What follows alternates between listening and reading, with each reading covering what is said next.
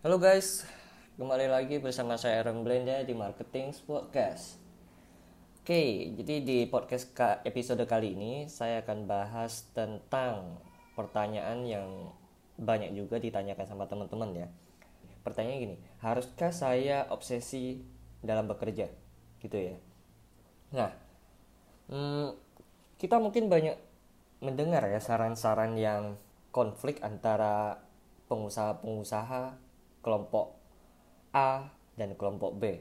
Kelompok A bilang kerja itu harus sekeras-kerasnya, kemudian kelompok B itu bilang uh, kerja itu sama hidup itu harus seimbang, kurang lebih seperti itu. Nah, tidak ada yang salah, tidak ada yang benar, tergantung uh, perspektifnya itu seperti apa. Oke, okay? kalau beda perspektif maka akan berbeda juga uh, artinya kurang lebih seperti itu. Nah uh, ada yang bilang jangan bekerja di akhir pekan ada yang bilang tidur harus 8 jam sehari ya. Kemudian ada juga yang bilang uh, lu harus bergadang ya.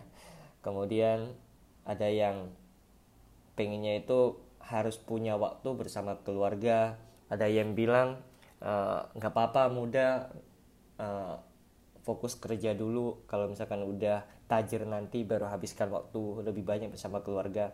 Well uh, di sisi lain anda disarankan itu harus obsesi untuk bisa sukses. Anda pasti bingung dong ya. Uh, kerja 10 kali lipat lebih keras kemudian anda mendapat masukan untuk jangan berlibur dalam lima tahun ke depan. Kemudian uh, ditanyain lagi lu itu sebenarnya pengen sukses apa enggak sih? Ya Dita dipertanyakan tuh tekad anda untuk untuk mendapatkan sesuatu yang anda impikan. Oke jadi saya cuma pengen sharing ya apa yang saya alami lima tahun belakangan ini. Ketika saya memutuskan untuk uh, full time di entrepreneurship uh, atau full time di bisnis ya. Dan saya akan membagikan pandangan saya kepada anda di podcast kali ini oke? okay? Jadi gini anda harus obsesi terlebih dahulu ya. Itu itu in my honest opinion ya. Anda nggak harus setuju oke? Okay? anda nggak harus setuju. Uh, di awal karir anda minimal ya. Di awal karir anda anda harus obses oke? Okay? di awal usaha anda di awal anda merintis anda harus obses. Nggak ada yang namanya main-main ketika anda terjun ke dalam bisnis ya. Di bangku sekolah kita bisa uh, mulai berkompetisi dengan murid-murid yang satu level dengan kita. Tapi kalau di bisnis gimana? Ya, kita kompetisinya itu sama raksasa, sama orang-orang yang udah duluan terjun ke dalam sebuah uh, bisnis, ke dalam sebuah market, ya. Dan kita nggak bisa milih kompetitor kita itu siapa kecuali kalau kita misalkan itu mau mainnya itu di uh, niche-niche tertentu yang belum ada pemainnya. Tapi so far setahu saya ya tidak ada yang baru di di di di dunia ini lagi. Jadi semua yang ada itu pasti udah ada duluan orang yang main di sana ter. Jadi kompetisi kompetisi itu pasti ada. Hanya intensitasnya itu seberapa besar gitu loh. Ya. Nah sukses di dalam kehidupan itu adalah bagaimana kita mengatur sumber daya kita. Kayak sumber daya yang saya maksud itu kayak waktu kemudian energi ya kemudian perhatian nah attention itu itu new currency untuk saat ini ya karena perhatian kita itu begitu uh, mudahnya diambil alih oleh oleh Facebook, Instagram, sosmed terutama dan lain sebagainya. Nah, kita harus sadar kalau kita itu ketika awal mula berbisnis ya, kita itu nggak punya banyak sumber daya di awal memulai. Ya, kebanyakan pemula itu nggak punya banyak modal itu pasti. Oke, okay? Kemudian apalagi yang masih kerja kantoran itu energi pasti terkuras karena udah kerja 8 jam sehari di kantor. Ya belum lagi yang punya anak di rumah sama seperti saya mungkin anda saat ini yang sedang dengerin podcast dengerin tangisan anak saya juga mohon maaf. Ya. Uh, ya itu belum lagi kalau misalnya punya anak di rumah waduh itu ribetnya bukan main. Ya. Kalau misalkan anda nggak fokus maka semuanya habis sudah. Oke? okay?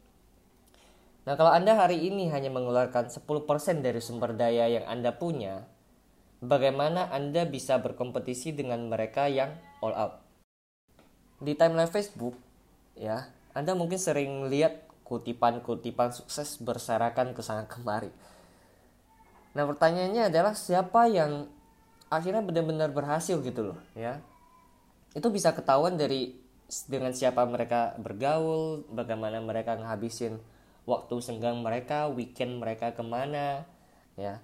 Saya banyak melihat mereka yang katanya katanya pengen berhasil tapi malah menghabiskan waktu malam minggu mereka itu di klub malam terus-terusan.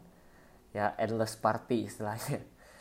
Nah kalau hari ini anda baru memulai bisnis ya please obses oke? Okay? please anda harus obses. Nah anda harus bahkan bahkan gini bahkan ekstrimnya ya. Saya bilang itu anda harus mengorbankan waktu tidur anda. Ya. Saya cukup ambisius tapi saya tahu batasan saya. Ya, ya buat saya ini adalah sebuah maraton kalau misalnya kita berbisnis bukan sprint. Saya nggak ingin menghabiskan energi saya.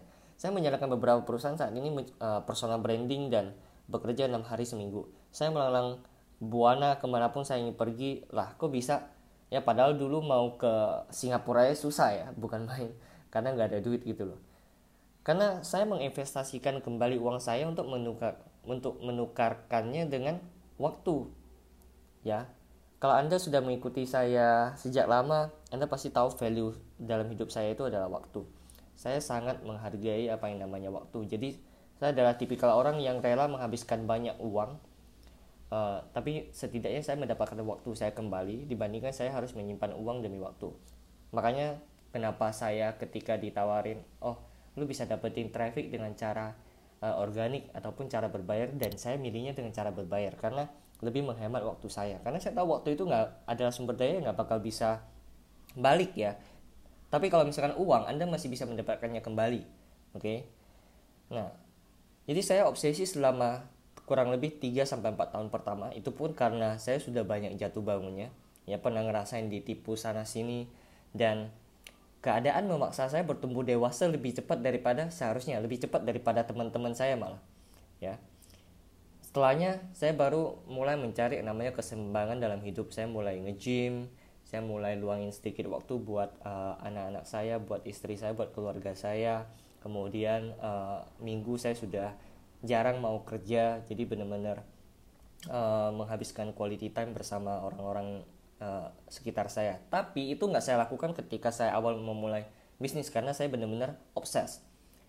Oke. Okay? nah terus berapa waktu yang anda butuhkan untuk bisa mencapai itu? Tergantung ya sangat tergantung dengan usaha anda sangat tergantung dengan strategi anda sangat tergantung dengan siapa anda bergaul siapa mentor anda ya apa yang sudah anda lalui itu sangat tergantung sekali. Saya nggak bisa bilang anda bisa sama seperti saya tiga tahun 4 tahun lima tahun atau bahkan 10 tahun itu juga fine fine aja untuk seorang entrepreneur. Oke. okay? Nah kesimpulan adalah kesimpulannya apa? Kesimpulannya uh, pertama Anda harus obses di awal ketika awal memulai bisnis. Oke, okay? kemudian kedua investasikan kembali uang Anda ya untuk membeli waktu Anda yang sudah hilang sebelumnya. Oke, okay? kemudian ketiga hidup yang seimbang. Oke, okay, I think that's all untuk podcast kali ini. Semoga bermanfaat. Uh, see you in the next episode.